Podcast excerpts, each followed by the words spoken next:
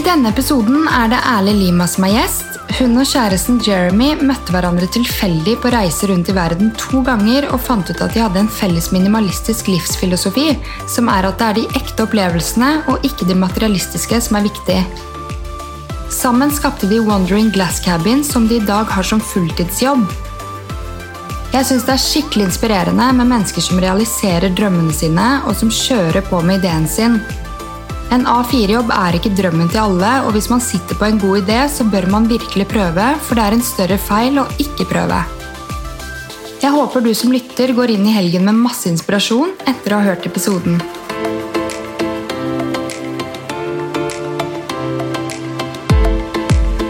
Eh, men først vil jeg høre hvordan du og Jeremy møttes. Ja. Hvor startet hele denne reisen? Ja, det er jo egentlig en ganske lang historie. Vi, eh, vi møttes på en øy i Thailand Ah. første gangen. Så jeg var og reiste med min tyske venninne etter, eh, etter videregående. Og så var han og reiste med en kamerat. Jeremy er fra Belgia, forresten. Ja. Eh, Så han var og reiste med en kamerat fra Belgia etter sin masteroppgave.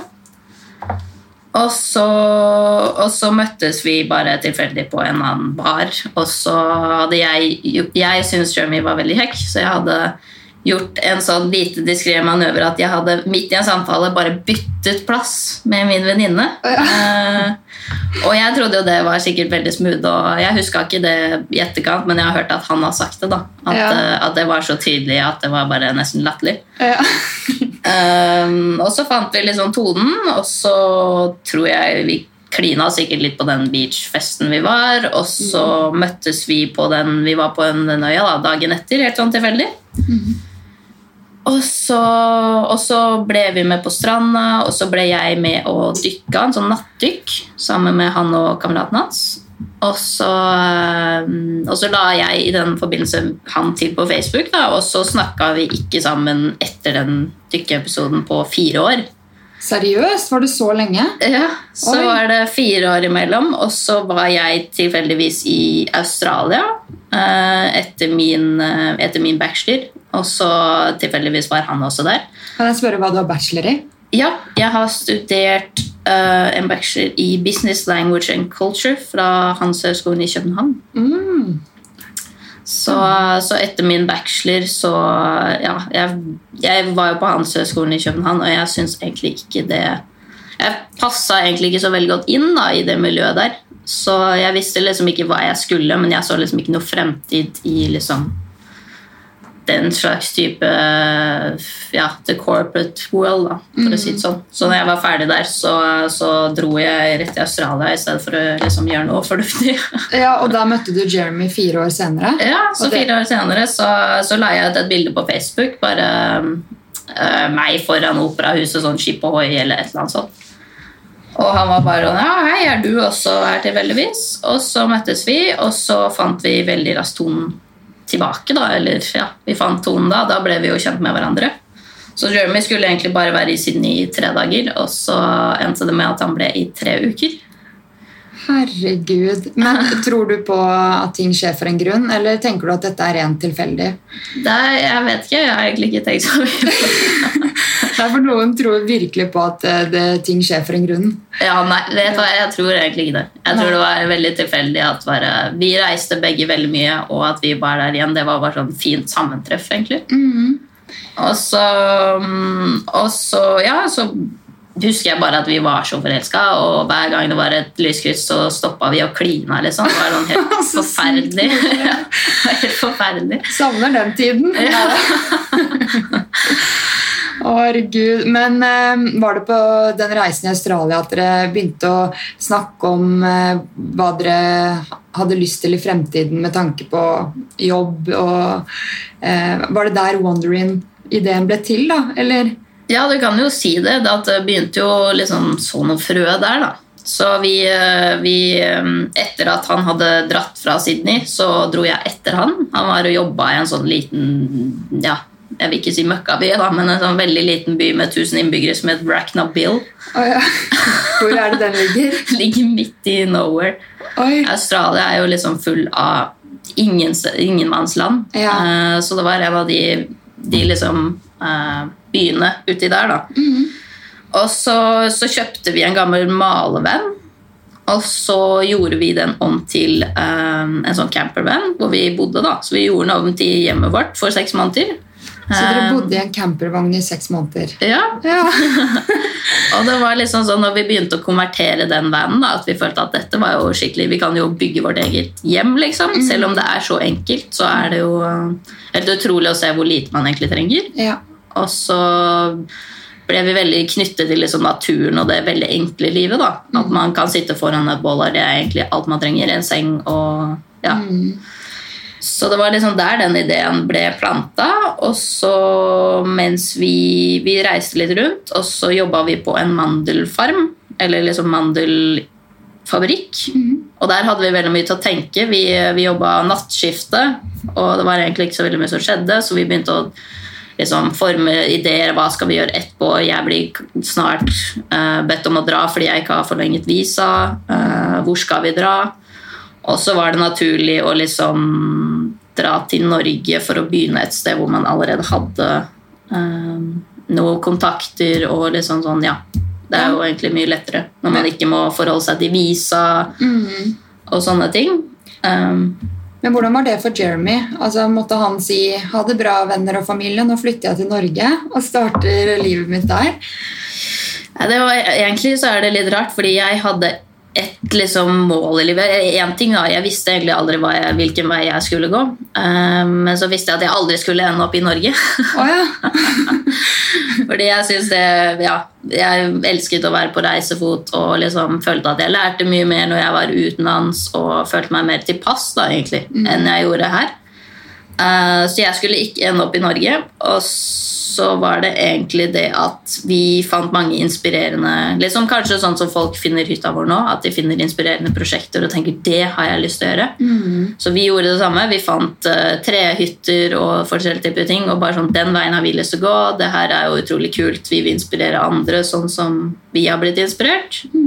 Um, og da når valget var mellom Belgia da, og Norge, så er det jo Norge som naturlig nok har finest natur og liksom best tilrettelagt for den slags type virksomhet.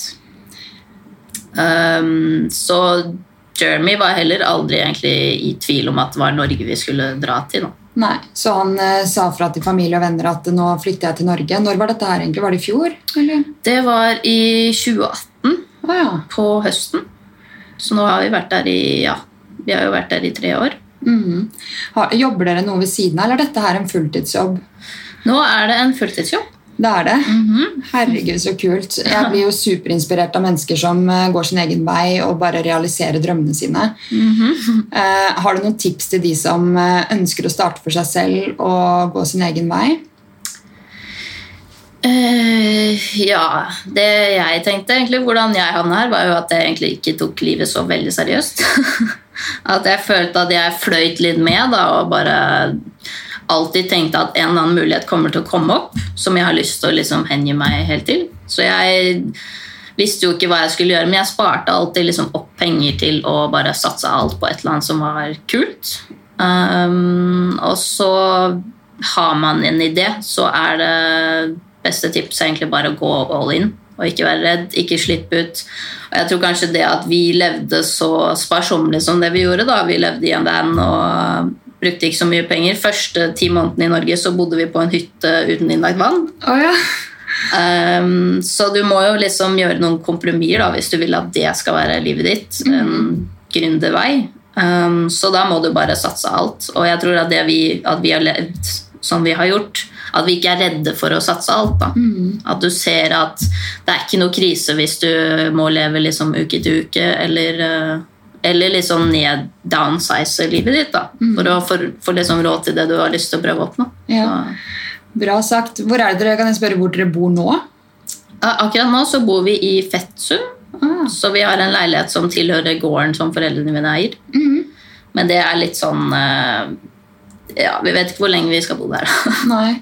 Men hvordan, var hvordan har hele denne prosessen vært fra starten, fra dere skjønte at ok, nå skal vi starte eh, noen, Finne noen perler, eh, perlesteder i Norge og starte noen søte små hytter, og til dit dere er i dag, da? Det var også egentlig veldig sånn mye basert på intuisjon. Mm. Og um, flaks, sikkert. Og um, ja, og så er det jo ikke en sånn lineær prosess hvis du skal starte opp noe. Så vi ante jo ikke hvor vi skulle begynne, hva vi skulle bygge.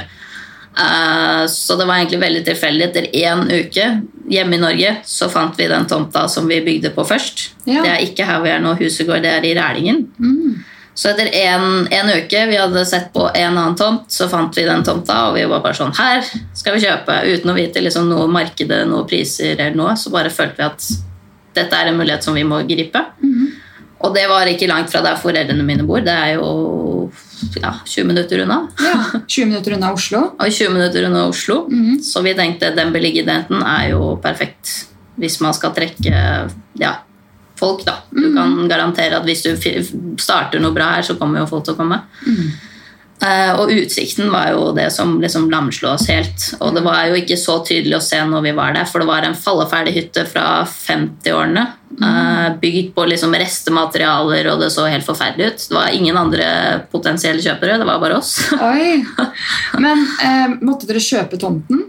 ja, Ja, dere kjøpte tomten. Så vi kjøpte tomta, og en, ja, det var tre sånne stygge hytter som sto på tomten. Ja, Så de ble revet, Ja. og så var eh, tomten deres. Ja.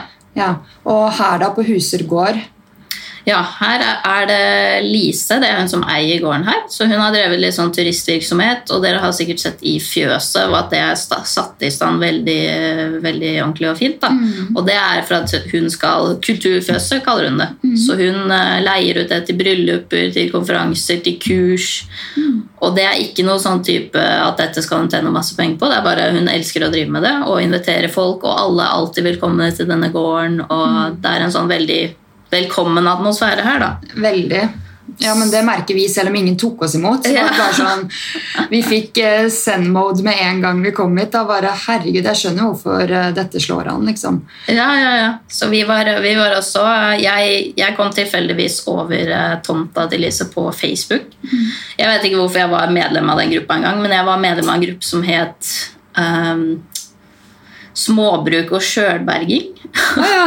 Og så kom det opp en, en sånn post da, at hun leide ut beitet sitt, som er nede ved elva.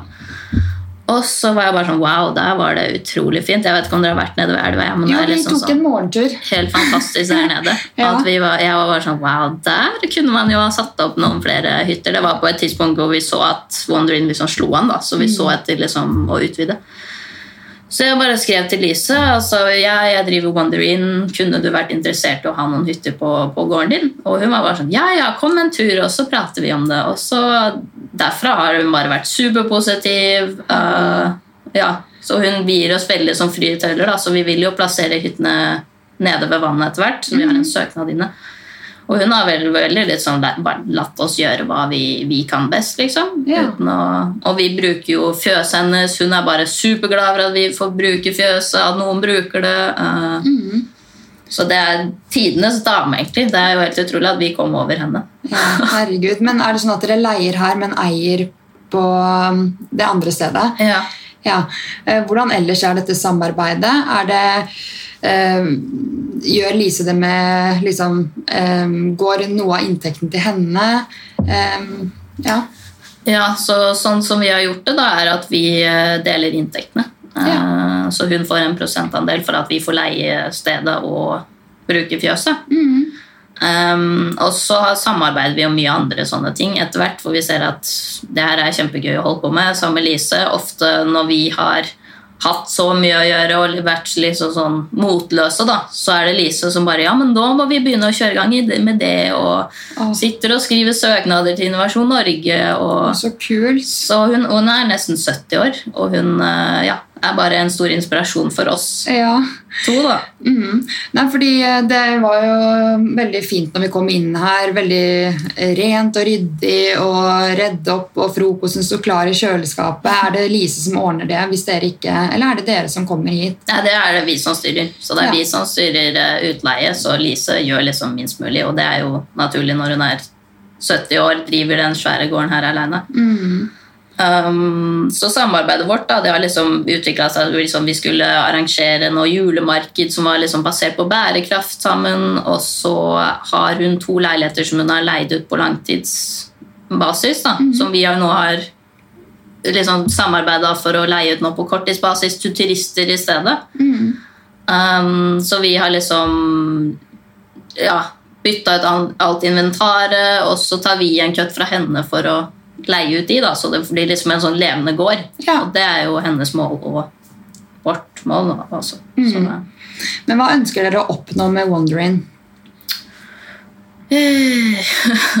ja, det, det som er liksom helt i grunnen for alt, det er jo at vi ønsker at folk skal ha en fantastisk opplevelse. Um, så det var liksom, når vi begynte prosjektet, så, så lagde vi jo liksom en businessplan bare for at banken skulle gi oss, uh, gi oss et lån, men liksom ved siden av det så var det bare at vi, vi ville lage noe som var så fett, at vi ville inspirere andre, at vi selv ville bli inspirert. Altså vi tok alltid utgangspunkt i liksom at det skulle være en fantastisk opplevelse for folk.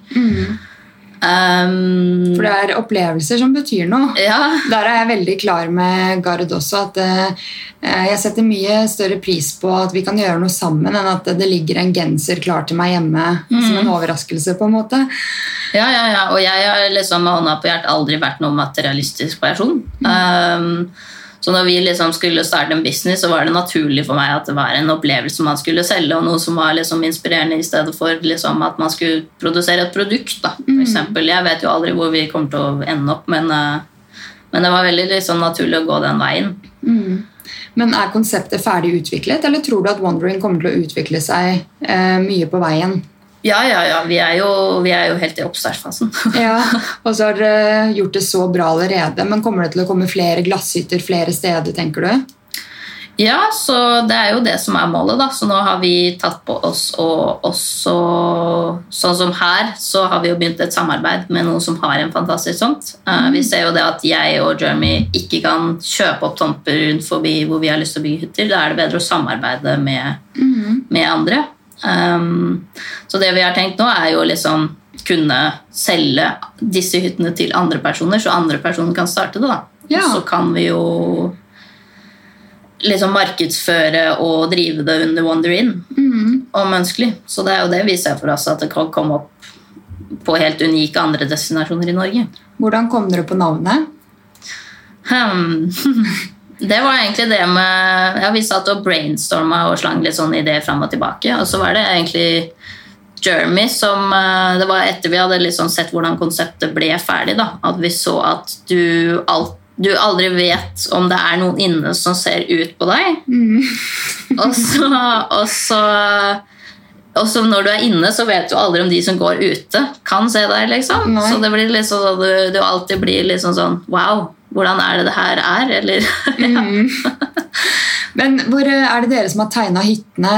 Og, um, eller hvordan har, funger eh, hvordan har det fungert med å få disse hyttene på plass, og at de skal se sånn og sånn ut? Og, Ja, så Det er en litt sånn annen historie. Det var jo fordi den, den tomta vi hadde i Rælingen, um, der var det litt sånn strenge krav. Det ligger i et LNF-område. Uh, så vi måtte finne noe som ligna på det som var der før, for å i det hele tatt få lov til å gjøre noen ting. Um, så vi, og så fant vi dette konseptet her, så var det en sånn boks. Og det hadde, den forrige hytta hadde liksom fasong som en boks, og selv om den var veldig stygg, så, så ligna det liksom noenlunde. Um, så vi fant en leverandør uh, i Estland som vi begynte å samarbeide med. Vi var bare sånn Wow, dette er det konseptet vi skal ha. Det passer. Det er faktisk noe som kommunen kan tillate, fordi det ligner såpass på det som er. da. Så vi dro ned til Estland, og nå har vi liksom en avtale med dem at vi også skal levere den hytta da, for, eh, for dem. Um, så det kom egentlig mest av ja, ganske tilfeldig at vi havna på det konseptet her. da. kan jeg spørre om det er dyrt? Eh, denne modellen det er en studiomodell som er uten innlagt vann. Den begynner fra 600 000. Ja. Uh, også den hotellversjonen som vi har i Rælingen, den har en liten sånn uh, en lite bad her på 3 kvadratmeter, og så har den en kjøkkenkrok, og så er det vask og dusj og sånn. Ja. Den er fra 800 ja. 000. Det, det er jo ikke verst sånn Nå har ikke jeg superpeiling, men det høres ikke helt gærent ut Nei, nei, prismessig.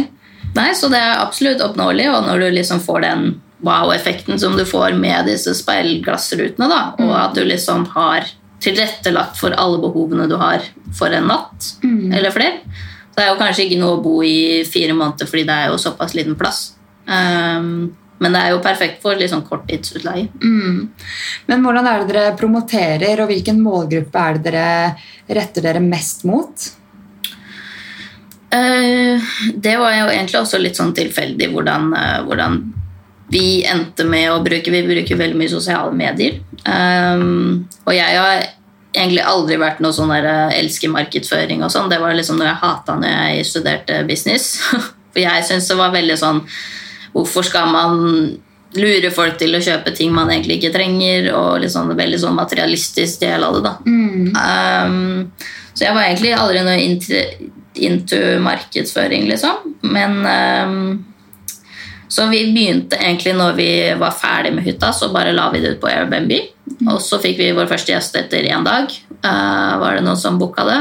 Og um, Og når var dette? ja, det var vi åpna 17. mai 2019. Å ja. Da hadde vi vår første gjest.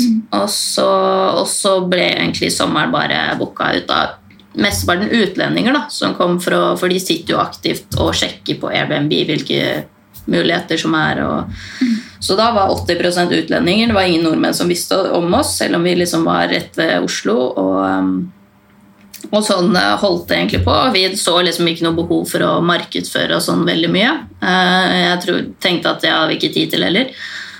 Um, og så kom liksom høsten, og da ble det jo litt mer stille fra liksom folk som kommer fra andre land. Og da var det liksom jeg ble, ja, ok, men noe markedsføring må man gjøre. Såpass har jeg jo skjønt. Um, og så, ja, så ble jeg kontakta av, av en fotograf som heter Iver Paulsberg. Og han bor, bor i Lillestrøm, og han var bare sånn Jeg har reist hele verden. Dette er jo et fantastisk konsept, og det er 20 minutter fra der vi er, nei, 10 minutter fra der vi er bor. Eh, vil dere gjøre et samarbeid, liksom? Og så var jeg sånn, ja, hva får vi ut av det, da? Og skjønte liksom ikke helt greia. Uh, men så kom han bare på en dag inn, tok noen bilder og la det ut på sin Instagram, og så så vi at det eksploderte jo nesten. Eh, det er jo sånn folk i dag får vite, får vite om deg, da. Eh, Så det samarbeidet begynte veldig bra. Da begynte jeg å sette meg veldig inn i okay, hvordan jobbe med influensere da, aktivt for at det skal bli uh, synlig. Eh, og det kom veldig i tid med, med når koronaen kom. Ja. Så, um, så liksom begynte vi liksom med at Anjor kom på besøk den vinterferien. Og så var det et par andre liksom mindre som kom, og så, og så kom koronaen, så vi måtte stenge ned alt. Ja. Uh, så alle bookinger for liksom hele den kommende sommeren ble jo kansellert. Og da var vi også sånn Ok, dette går jo, hva er det vi har gjort nå? Hva har vi satsa alle pengene på å bo her, eller på liksom dette prosjektet? Um, og nå skjer dette. Og så, og så hadde vi noen flere influensere på besøk, og plutselig så tok det helt av. da. ja. For alle nordmenn skulle booke sommerferien sin, som plutselig ble i Norge. Også, men for Ja. oss så var det jo egentlig mer positivt enn det var negativt. For da fikk vi liksom konsentrert markedsføringa på det norske markedet, som egentlig er det eh, enkleste å gripe. da. Hvis du skal liksom markedsføre deg til utlandet, hvor skal du begynne? Um, så det var egentlig veldig naturlig å markedsføre mot, mot kunder fra Oslo som kanskje er på vår alder. Uh, og så ser vi jo at det er litt forskjellige målgrupper fra disse to hyttene til den som er i Rælingen. ja. Um, den er jo dyrere. Her er det litt mer sånn eh, lav terskel. Uh, så vi får ofte litt yngre personer, og det er også veldig gøy at de også skal få muligheten da, til å liksom bo i en glasshytte. Og... ja. Så det er egentlig for alle. Ja, Ja. absolutt. Så bra. Men, eh, så det startet med Airbnb, og så jeg skjønte du etter hvert at du må kanskje satse litt på markedsføring. Ja. Um, Og jeg var heller aldri noe sånn der stor på Instagram selv. Um, aldri liksom opptatt meg veldig, da. Men det er jo der hvor vi får all oppmerksomheten, egentlig. Mm. jeg, jeg kjenner meg veldig igjen i deg, fordi jeg er heller ikke noe Instagram-profil på den måten. Eh, Men jeg har jo startet denne podden, og jeg vet at mye handler om å promotere det du skaper eller det du gjør. Ja. Men så har det ikke føltes alltid helt riktig å bare melke denne podkasten hele tiden. Jeg har tenkt at ok, de som hører på, de hører på. Og så får du etter hvert eh, faste lyttere, og så eh, Men så har jeg skjønt at det, det er lurt å promotere litt, da. Ja, det er det. Og jeg hørte på den podkasten og sosiale medier hvor du sa at det var liksom Ja, skal jeg bare være én dag i uka på sosiale medier, f.eks.? Jeg var sånn Å, det høres fantastisk deilig ut, for jeg bruker veldig mye tid på sosiale medier. Ja. Og det var jo egentlig ikke noe jeg ønsket å begynne med, men så begynte jeg liksom å markedsføre hytta vår gjennom, gjennom Instagram, og man kan ta utrolig fine bilder fra, fra denne hytta da, og fra de andre. Mm. Så, um, så så jeg jo at det var sånn det nådde ut til folk. At uh, de fikk liksom bilder, sånn inspirerende bilder fra oss gjennom feeden sin eller gjennom de de kjenner. Så, så nå bruker jeg veldig mye tid på det. Og, og det har jo liksom også slått meg at vi kan jo betale noen for å, for å gjøre den type jobben. da. Men da føler jeg liksom sånn, da må jeg gi bort babyen min, for det er jeg som er liksom Ja, ikke sant? Det er jeg som har liksom, ja, fått, fått det til å vokse, da. Liksom. Ja, ikke sant. eh, ja. Mm. Men har dere noen gang vært i tvil på om dette skal funke, eller har dere hatt troen på dette prosjektet hele tiden? Eh, Det var jo et veldig langt tidsrom fra vi kjøpte tomta til vi fant ut av hva vi skulle gjøre. Det var vel to, ja, ett år, ett og et halvt år hvor vi gikk liksom sånn veldig i tvil om hva vi skulle gjøre med sånt. da. vi kjøpte den etter en uke, og så var det sånn Ja, hva gjør vi nå? Um, og det var vel den tiden som var den mest usikre. At var sånn, Hva har jeg gjort nå? Jeg måtte gå til banken og liksom spørre om jeg kunne ta ut BSU-en min da, på en hytte. Og da sa de sånn Det har vi aldri fått spørsmål om før. Oh, ja. Ah, For det er jo ingen som kjøper seg hytte uten at de har jobb eller, eller har et hus. da. Nei, nei. Bolig først. Um, og så fikk vi jo veldig mange spørsmål fra venner og kjente. Bare sånn 'Nå har det rabla for deg, og skal du ikke få deg en ordentlig jobb?' Og så ser man jo også at man investerer jo masse penger, og så gir det ingenting igjen før man har liksom det ferdige produktet, og det er en lang vei før man kommer dit.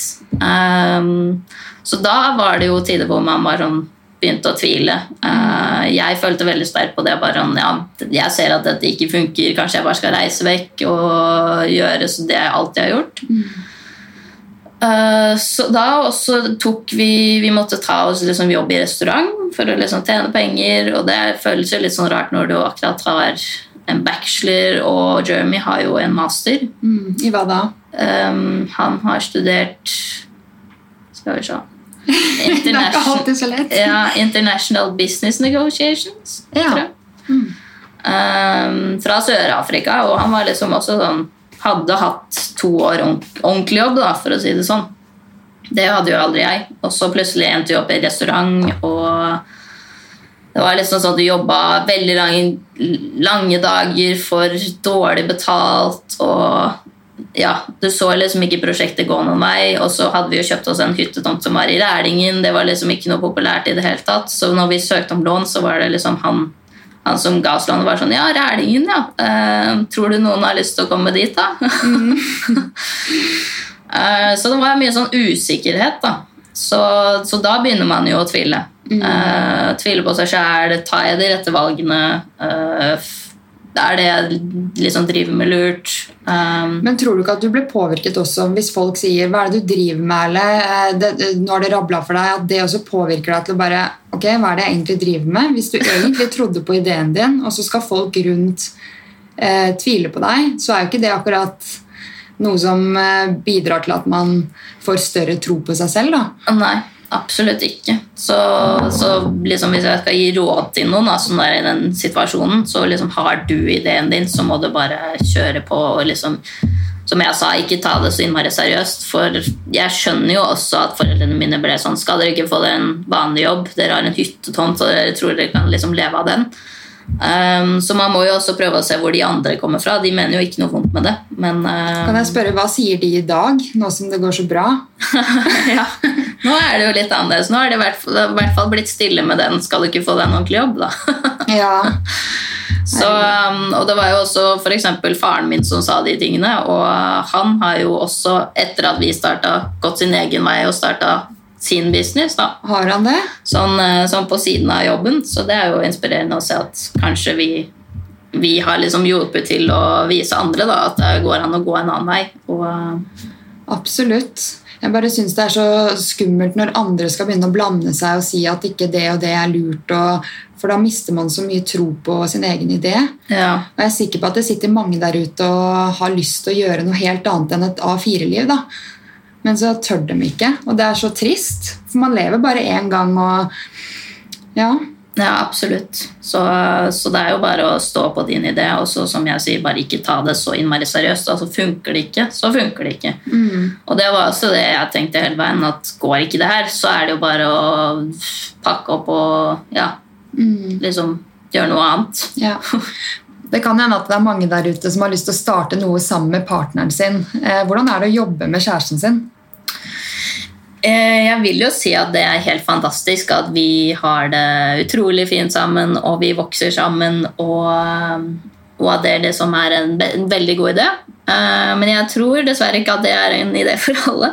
Nei. Jeg har ofte tenkt at også det kanskje ikke var den riktige veien å, å gå. I hvert fall når, når, eh, når vi har vært gjennom utfordrende faser da, av denne oppstarten, så, um, så har det jo vært sånn du er kald, du er sulten, du er så stressa at det går jo utover forholdet. Det gjør det, og det er veldig vanskelig å legge fra seg um, det arbeidsforholdet man har når man kommer hjem og liksom bare skal være kjærester. Um, så vi har jo hatt uh, konflikter liksom, som har kommet basert på det, og så, blir det veldig vanskelig å legge det fra seg når man kommer hjem. Mm. Uh, spesielt når man har en sånn arbeidsdag som ikke har en klar ende. Da.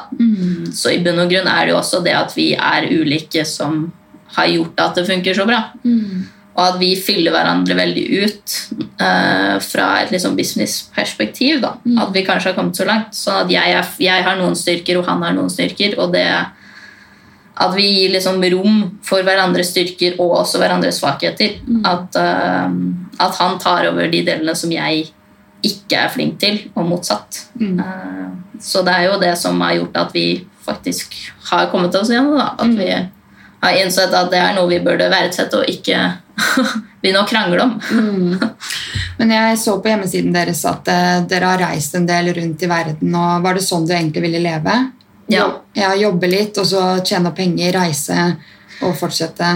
Ja, ja, så det var jo egentlig det som fikk meg til å også flytte til Norge og starte der. er at når, du reiser, så er det jo kanskje ofte følelsen av at du ikke gjør så produktive ting. Da. At du ikke lærer så mye som du kan gjøre. Fordi det blir veldig mye sånn nyte dag, dag til dag, og så føler du altså liksom ikke bygger opp noe på lang sikt. Um, så det er liksom det eneste som er litt sånn negativt med å reise, at man føler at man liksom burde gjøre noe mer hele tiden. Um, men det var egentlig det som var planen min når jeg møtte Jeremy, var at jeg skulle jeg, etter Australia så skulle jeg sikkert reise litt i Asia, og så skulle jeg ende opp i Afrika, hvor jeg sikkert hadde begynt med et eller annet, men jeg var jo hele veien åpen for at noe skulle komme opp. da. Så, um, så jeg visste ikke hva jeg skulle gjøre, men jeg visste liksom at et eller annet kom til å liksom det kom til å komme et prosjekt hvor jeg hadde lyst til å hive meg på. da. Så du har aldri hatt et sånt ønske om at 'jeg skal bli det', 'jeg skal bli det'? Nei, aldri. Nei. Og det er jo også litt sånn slitsomt hvis man går rundt der. Det er helt sikkert mange som bare sånn, ja, jeg føler at jeg må ha må ha liksom en idé om hvor jeg har lyst til å gå, Mm. eller hva jeg har lyst til å bli, eller hva jeg har lyst til å starte. Så det er jo litt sånn slitsomt å kanskje være i den usikre fasen hvor du bare Ja, ja. føler at du ikke veit noe. Um, så da er det jo bare egentlig å ha tillit til at universet, da. Noe kommer til å skje. Ja, ja, og jeg tenker Det er så mange som sikkert sitter på gode ideer og tror at de må gå det A4-livet, men det er så mange retninger man kan gå hvis man bare går inn i seg selv og tenker hva er det jeg har lyst til å gjøre med dette livet her, da. Um, hva er det som gjør meg glad? Og Ja. hva er det jeg kan leve av, men også gi til andre? For dere gir jo veldig mye til andre ved å gjøre dette her. Absolutt. Eh, gode opplevelser er jo de beste minnene. Ja, ja, ja. Det som setter seg dypest, for å si det sånn. Ja, absolutt. Så det blir jo Jeg føler liksom at denne businessen her er veldig sånn personlig, da. At uh, vi liksom gikk fra å lage en hytte som vi elsket og digget og var veldig stolte av å dele da, med å leie den ut, eh, til at nå er det sånn føler veldig dag på dag at det er et stort ansvar, for du har ansvar for at folk skal ha en utrolig opplevelse. Det er veldig høye forventninger, da. Så det blir en sånn personlig Hvis folk ikke liker det, at jeg føler meg litt sånn krenka, da, eller ikke krenka, men liksom lei, veldig lei meg. Ja, Men har du opplevd det før? At folk ikke er fornøyde og sender klage, eller Veldig, veldig lite, heldigvis. Ja, så bra. Så de episodene vi har hatt, har jo liksom vært sånn utenfor vår kontroll, og da må man jo også gå i seg selv og tenke er det jeg som er personlig ansvarlig for at disse ikke hadde det bra, eller var det toalettet som hadde gått i stykker, og det lukta og det, Altså Av og til skjer jo ting. Eh, det må jo skje, og da har vi jo bare gjort alt vi kunne for at, liksom, at det skal bli en positiv opplevelse allikevel.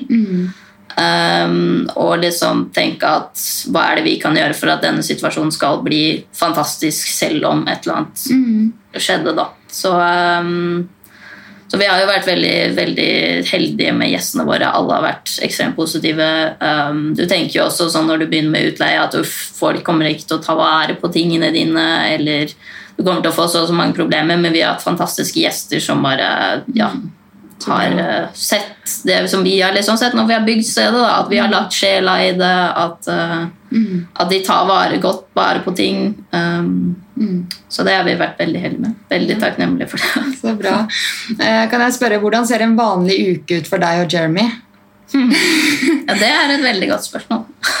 Ja. For det, det varierer jo veldig. Og jeg tror kanskje de som er i en oppstartsbusiness, da ting blir veldig flytende. At eh, plutselig en uke så, så finner vi ut at vi må lage en hjemmeside. Så det må alt, energien må gå i det, samtidig som et eller annet går i stykker, så da må du dra dit. Og så, ja, så har, vi har egentlig veldig liten oversikt over hva som er en vanlig uke for oss. Ja. Men dere sitter ikke sånn Ok, i dag så skal vi sitte med sosiale medier. I morgen så skal vi Nei, Sånn overhodet ikke. Nei. Så det burde vi jo kanskje ha mer av. da. At, um, jeg har heller aldri vært sånn som at jeg føler at vaner er liksom noe jeg vil ha masse av i livet. Um, fordi jeg likte at ting var litt sånn flytende, og at jeg kunne ja, dra litt sånn dit hvor, uh, hvor det, jeg følte for det. Men jeg føler vel mer og mer når vi får en større business, får mer å gjøre, at vaner er liksom sånn Det er en byggestein i hvordan du får et liksom uh, stabilt og liksom overs oversikt da, i, i hverdagen. Så, så vi har jo begynt å bygge oss noen vaner nå, at vi kanskje gjør administrasjon på morgenen. ehm, ja, kunder, altså gjester, de tekster deg jo hele døgnet, så du kan jo aldri forutsi hva du må gjøre når. Men, eh, men at du i hvert fall prøver å få inn noen gode vaner, da, så det prøver vi på nå. Men Har dere en businessplan som dere følger lite grann? Uh, nei, egentlig ikke. Det var egentlig bare for å få lån fra, fra banken at vi måtte komme opp med en businessplan. Um, det vi liksom heller liksom følger, er jo intuisjonen vår veldig. At vi bare tenker at det her kommer til å slå an. Um, og så for eksempel når vi fikk den muligheten til å starte her, da, så var vi liksom ikke i tvil. Det var ikke sånn at vi satt og stussa på kommer det til å være lønnsomt, kommer det til å være ditten og datten. Det var sånn, det her vil folk elske, derfor kjører vi på. Og så, eh, så satser vi på at det går bra. Ja. Var det vanskelig å få med banken på laget? Var det en lang prosess? Første omgang så var det jo ikke så, så enkelt, for da kom vi jo med en sliten hytte, um, to personer uten jobb, øhm, og vi hadde heller ingen eiendeler, Um, og det vi ville gjøre var liksom å pusse opp en hytte og leie den ut. Um, for så vidt var de jo positive, uh, så vi fikk jo overbevise dem etter hvert, men det var jo heller ikke et veldig stort beløp, da. så vi fikk jo veldig høy rente på et veldig lite beløp. Um, så det var greit. Andre gangen gikk det veldig lett. Eh, hvordan starter du uken best mulig? Ja, Der er vi litt tilbake på det at jeg ikke har så veldig mange sånne faste rutiner. da.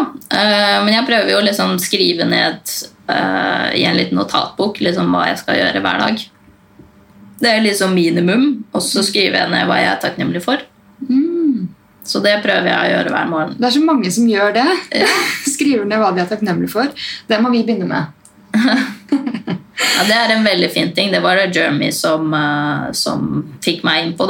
Mm. For han hadde, han hadde gjort det Han jobba på en uh, jordbærplukkfarm i Australia. Og det var liksom, hvor er det jeg havna i livet nå? Jeg, en, jeg dro jo fra en lukrativ jobb, liksom. Uh, og så har jeg havna her, og da begynte han med det. da, Og så sa han at det var veldig sånn effektfullt. Man ser jo at ja, man har jo egentlig mye mer enn det man ofte ser. da. Mm. At du, det er veldig lett å klage på ting mm. og ikke se hvor heldig du faktisk er. da. Veldig sant.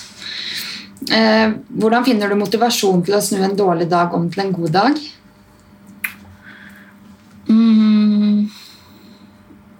Det er egentlig, ja, Der har egentlig jeg vokst veldig mye også. At jeg har begynt å heller se på eh, mine egne behov. For det er jo ofte at du liksom drukner i hva alle andre vil at du skal gjøre. og sånn. Så har jeg en dårlig dag, så må jeg bare gå i meg selv og tenke hva er det jeg trenger nå? Hvorfor er jeg sliten? Hvorfor er jeg såpass? Hva er det jeg, er det jeg egentlig trenger? da? Mm.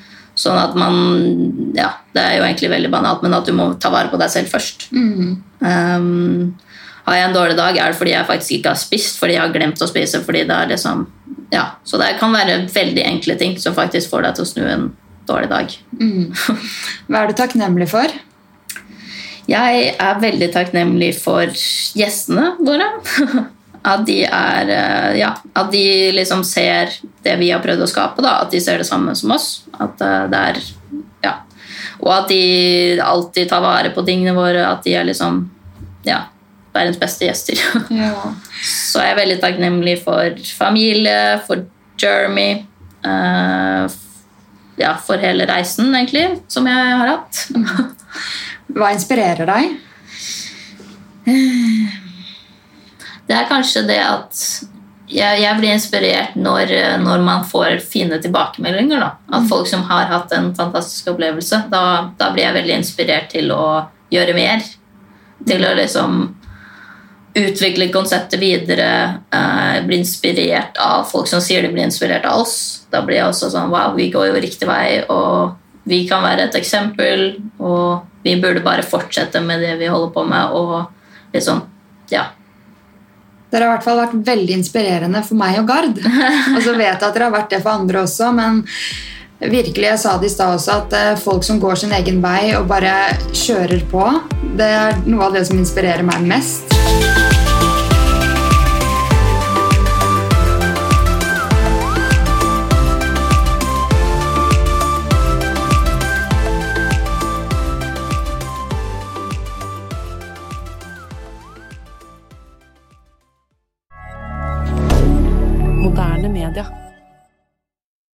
Har du et enkeltpersonforetak eller en liten bedrift? Da er du sikkert lei av å høre meg snakke om hvor enkelt det er med kvitteringer og bilag i fiken, så vi eh, gir oss her, vi. Fordi vi liker enkelt. Fiken superenkelt regnskap.